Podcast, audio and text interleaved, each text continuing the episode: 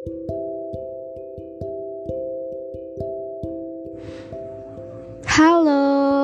teman-teman podcast tengah jalan semua Selamat pagi Selamat siang Selamat sore Dan selamat malam Dan selamat datang di podcast tengah jalan Episode ke-12 Yeay Apa kabar nih kalian? Baik-baik selalu kan? Aku harap sih begitu Tetap jaga prokes ya Tetap stay healthy dan stay safe karena tanggal 2 Maret kemarin Corona habis ulang tahun di Indonesia. Kemarin aku sempat baca di internet katanya COVID-19 ditemukan di Indonesia pada tanggal 2 Maret. Yeay! Kemarin dia ulang tahun, guys. Oke, oke, oke. Hari ini aku menemukan sesuatu yang membuat pikiran kecilku jadi terbuka sedikit. Hari ini, tepatnya tadi pagi, aku mengikuti sebuah acara webinar yang diadakan di sekolahku. Di webinar hari ini, aku mendapatkan banyak sekali ilmu baru yang masuk. Pandangan-pandangan baru yang aku terima dan sisi lain dari pandangan itu sendiri. Ternyata ada banyak hal yang sebelumnya udah aku terima di otak aku dan aku cerna mentah-mentah. Dan akhirnya malah membuat kesimpulan sendiri, statement-statement yang malah sebenarnya ngebalikin sebuah fakta tanpa tahu fakta sebenarnya itu tuh seperti apa. Kalau diingat ketika aku berdebat dan sama-sama mengeluarkan pendapat yang dikeluarkan dari perasaan, dari logika aku sendiri, aku sudah bisa berasa gitu, mengerti dan paling paham akan sebuah situasi itu. Dan akhirnya aku malah ikut-ikutan seperti orang-orang menjudge sebuah fakta yang malah aku anggap salah. Dengan webinar hari ini, aku jadi tahu kalau sebenarnya apa yang kita lihat dari orang lain itu belum tentu apa yang terjadi sebenarnya.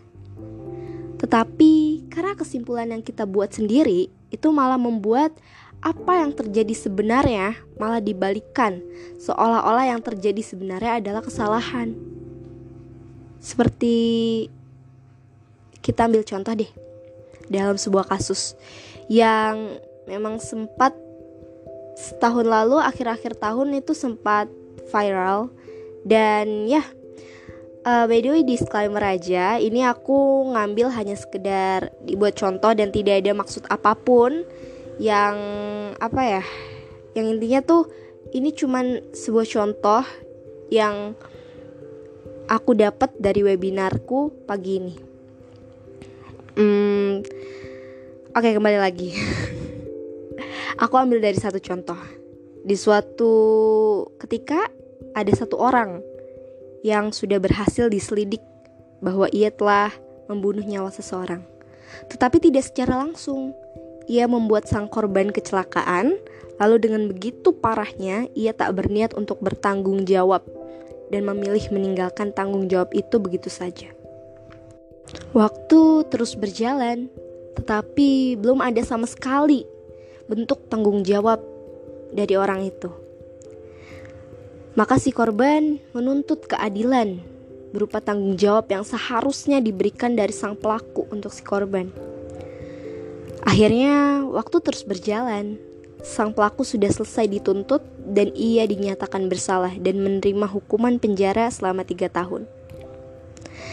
Tetapi yang dijadikan permasalahannya adalah pandangan orang-orang di luar sana yang banyak sekali yang banyak sekali tidak setuju kalau sang pelaku hanya dijatuhkan hukuman penjara selama tiga tahun saja.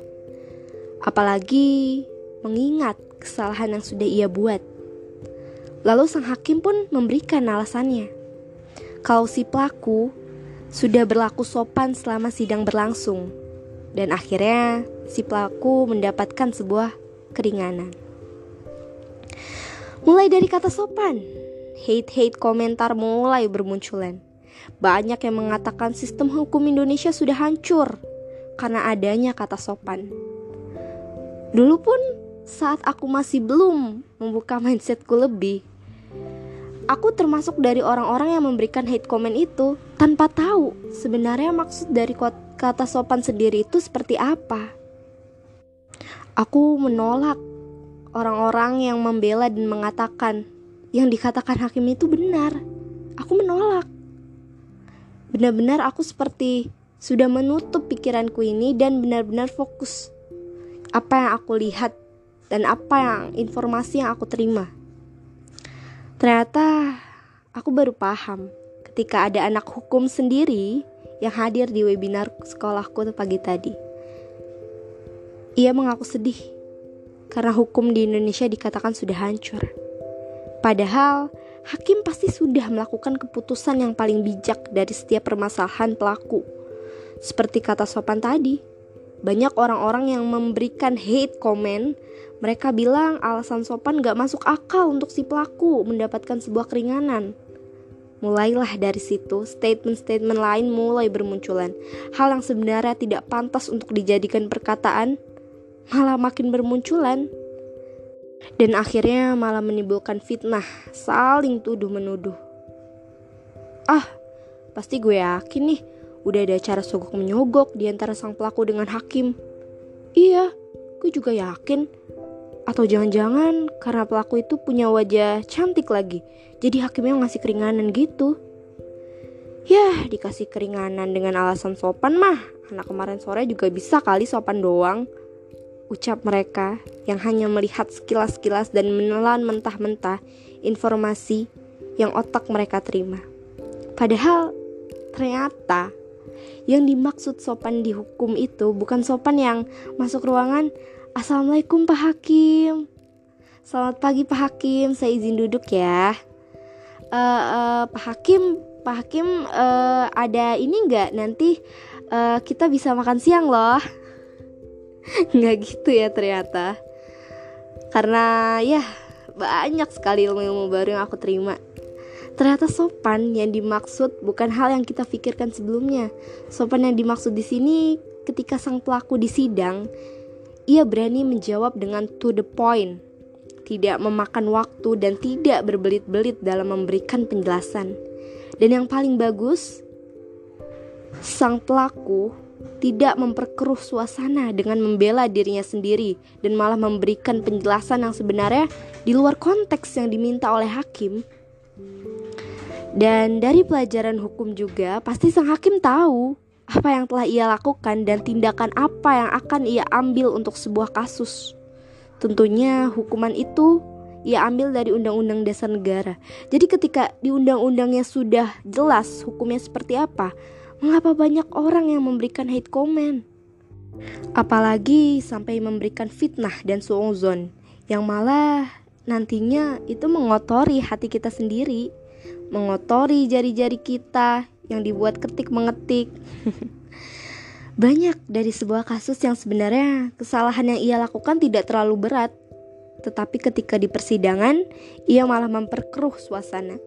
Ia tak mau dinyatakan bersalah, berbicara dengan nada yang tinggi, dan bahkan sampai berperilaku seperti orang gila agar hukuman bebas dan ia dibawa ke rumah sakit jiwa.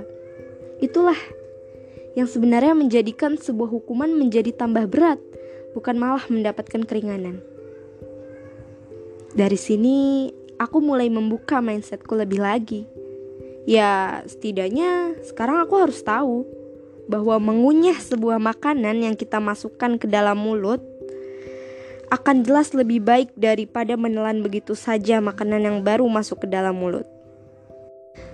Pasti mama kalian dulu ketika kalian masih menjadi balita, mama kalian juga pernah bukan mengatakan hal ini?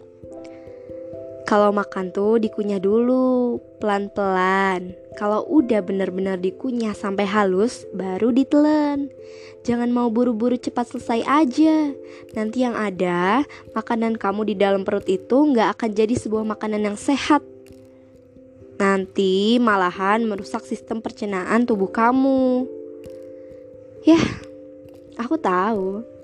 Ternyata diam itu lebih bijak daripada mengangkat jari-jari kita untuk mengetikkan sebuah kata-kata yang tidak pantas dan nantinya akan mengotori hati kita sendiri. Dan itu pun tidak bisa mencegah hal-hal buruk akan terjadi ke depannya.